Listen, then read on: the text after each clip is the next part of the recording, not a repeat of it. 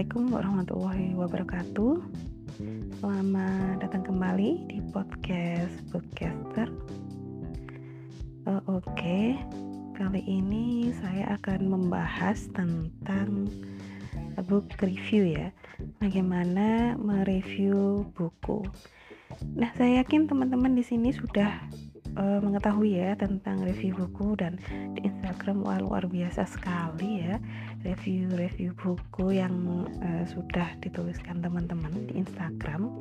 Nah, uh, kali ini saya akan membahas tentang uh, salah satu mungkin ya teknik review buku yang juga mungkin digunakan oleh uh, beberapa orang termasuk saya.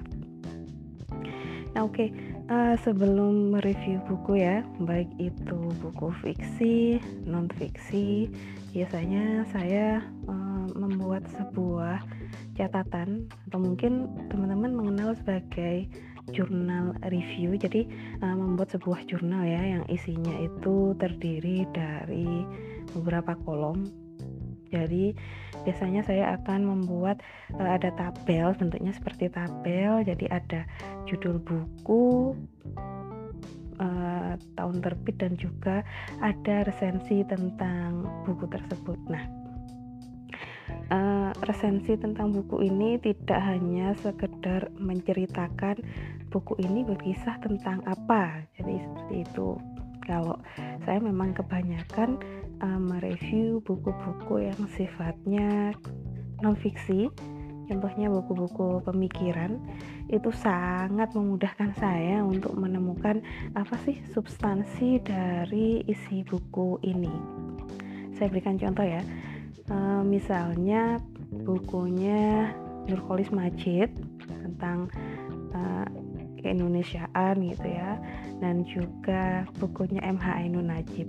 Nah, kalau kita lihat sekilas, dua buku ini sebenarnya kan sama, membahas tentang Indonesia, membahas tentang uh, kemodernan, membahas tentang uh, keberagaman dan keberagamaan. Nah, saya sering kali sulit sekali membedakan kalau dia berangkat dari satu awal pemikiran yang sama, katakanlah pemikiran Islam gitu ya. Ini tuh bedanya apa? Nah, jadi saya membuat uh, jurnal review gitu ya yang terdiri dari kolom-kolom tadi jadi ada judul ada tentang buku nah tentang buku ini bukan hanya sekedar resensi tapi juga substansi isi substansi isinya itu uh, seperti apa apakah sama-sama membahas tentang kemodernan tapi dalam satu sudut pandang yang sama? Ataukah memang membahas kemodernan dalam sudut pandang yang uh, berbeda?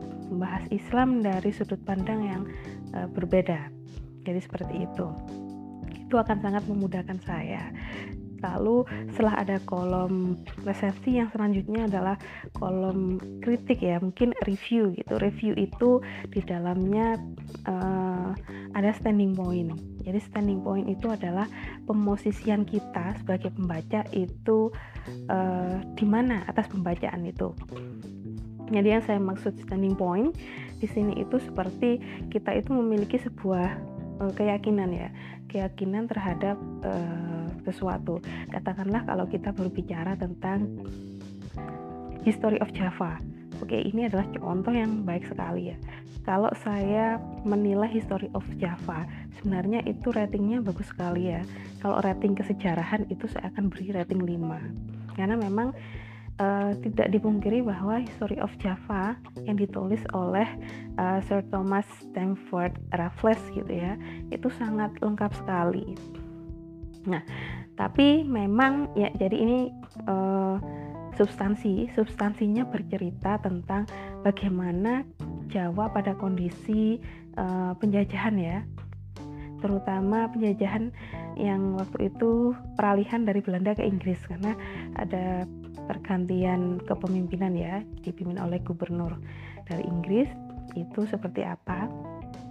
Nah, untuk substansinya saya akan melihat bahwa uh, meskipun dari segi kesejarahan sangat bagus gitu ya namun ada beberapa titik yang memang Raffles ini mencoba menceritakan Jawa dalam sudut pandangnya dia, yaitu orientalisme. Karena Raffles uh, akan menganggap bahwa Jawa ini adalah tanah jajahan. Jadi dia menceritakan bahwa tari-tarian tradisional itu dianggap sesuatu yang sangat vulgar, misalkan seperti itu. Islam itu dianggap sesuatu yang uh, juga uh, istilahnya kayak dia itu menjudge bahwa Islam itu uh, tidak baik.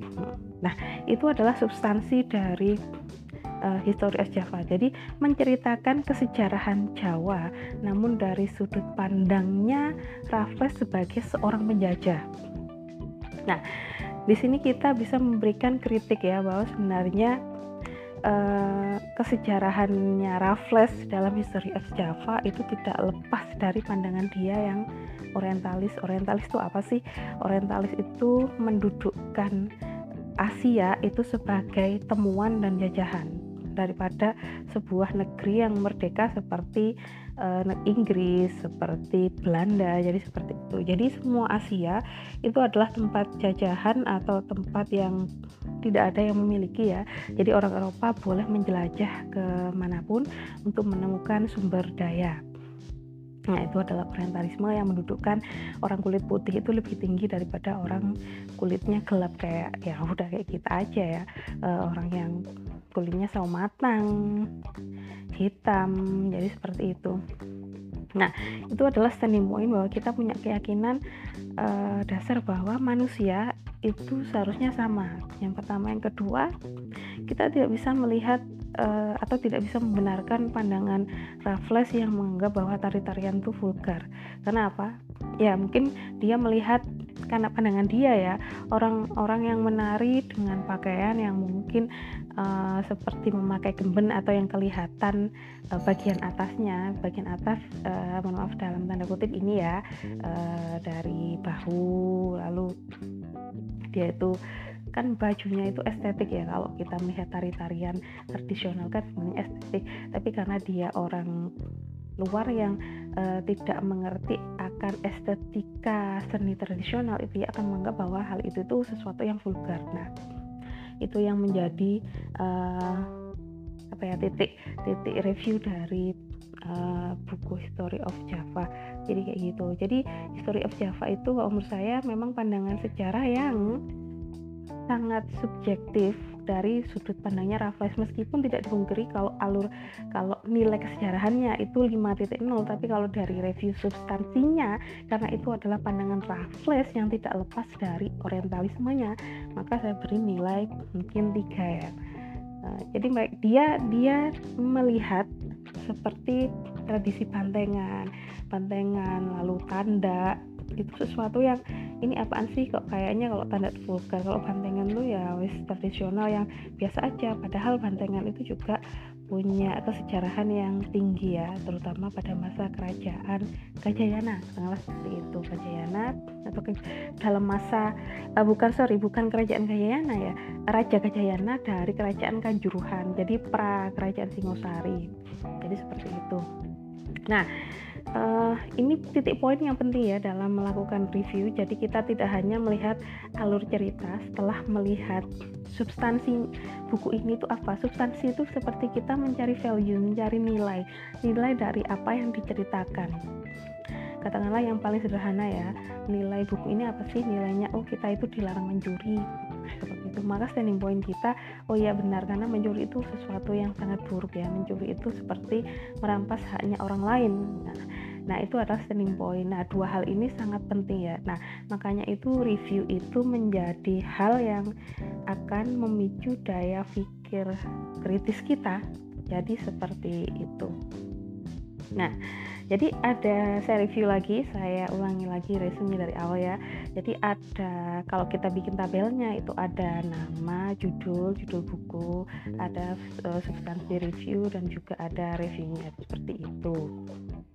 Nah, lalu memang bisa bisa jadi di dalam buku itu kita memberikan highlight highlight ya kalau kalau kamu suka melakukan itu maka itu sangat baik sekali atau memberikan note uh, apa sih seperti pembatas gitu ya. Yang ada tulisannya bahwa dia bercerita tentang katakanlah bercerita tentang uh, kota Malang. Kalau istilah Jawa oh ini tentang tari. Oh ini tentang uh, yang lain. Nah itu juga bisa dilakukan. Nah, itu sekilas ada teknik mereview ya dari saya dan juga yang penting. Uh, semoga bermanfaat. Kita ketemu lagi di channel Bookcaster. Uh, stay tune ya untuk episode-episode uh, selanjutnya. Oke, okay, uh, assalamualaikum warahmatullahi wabarakatuh dan selamat mendengarkan.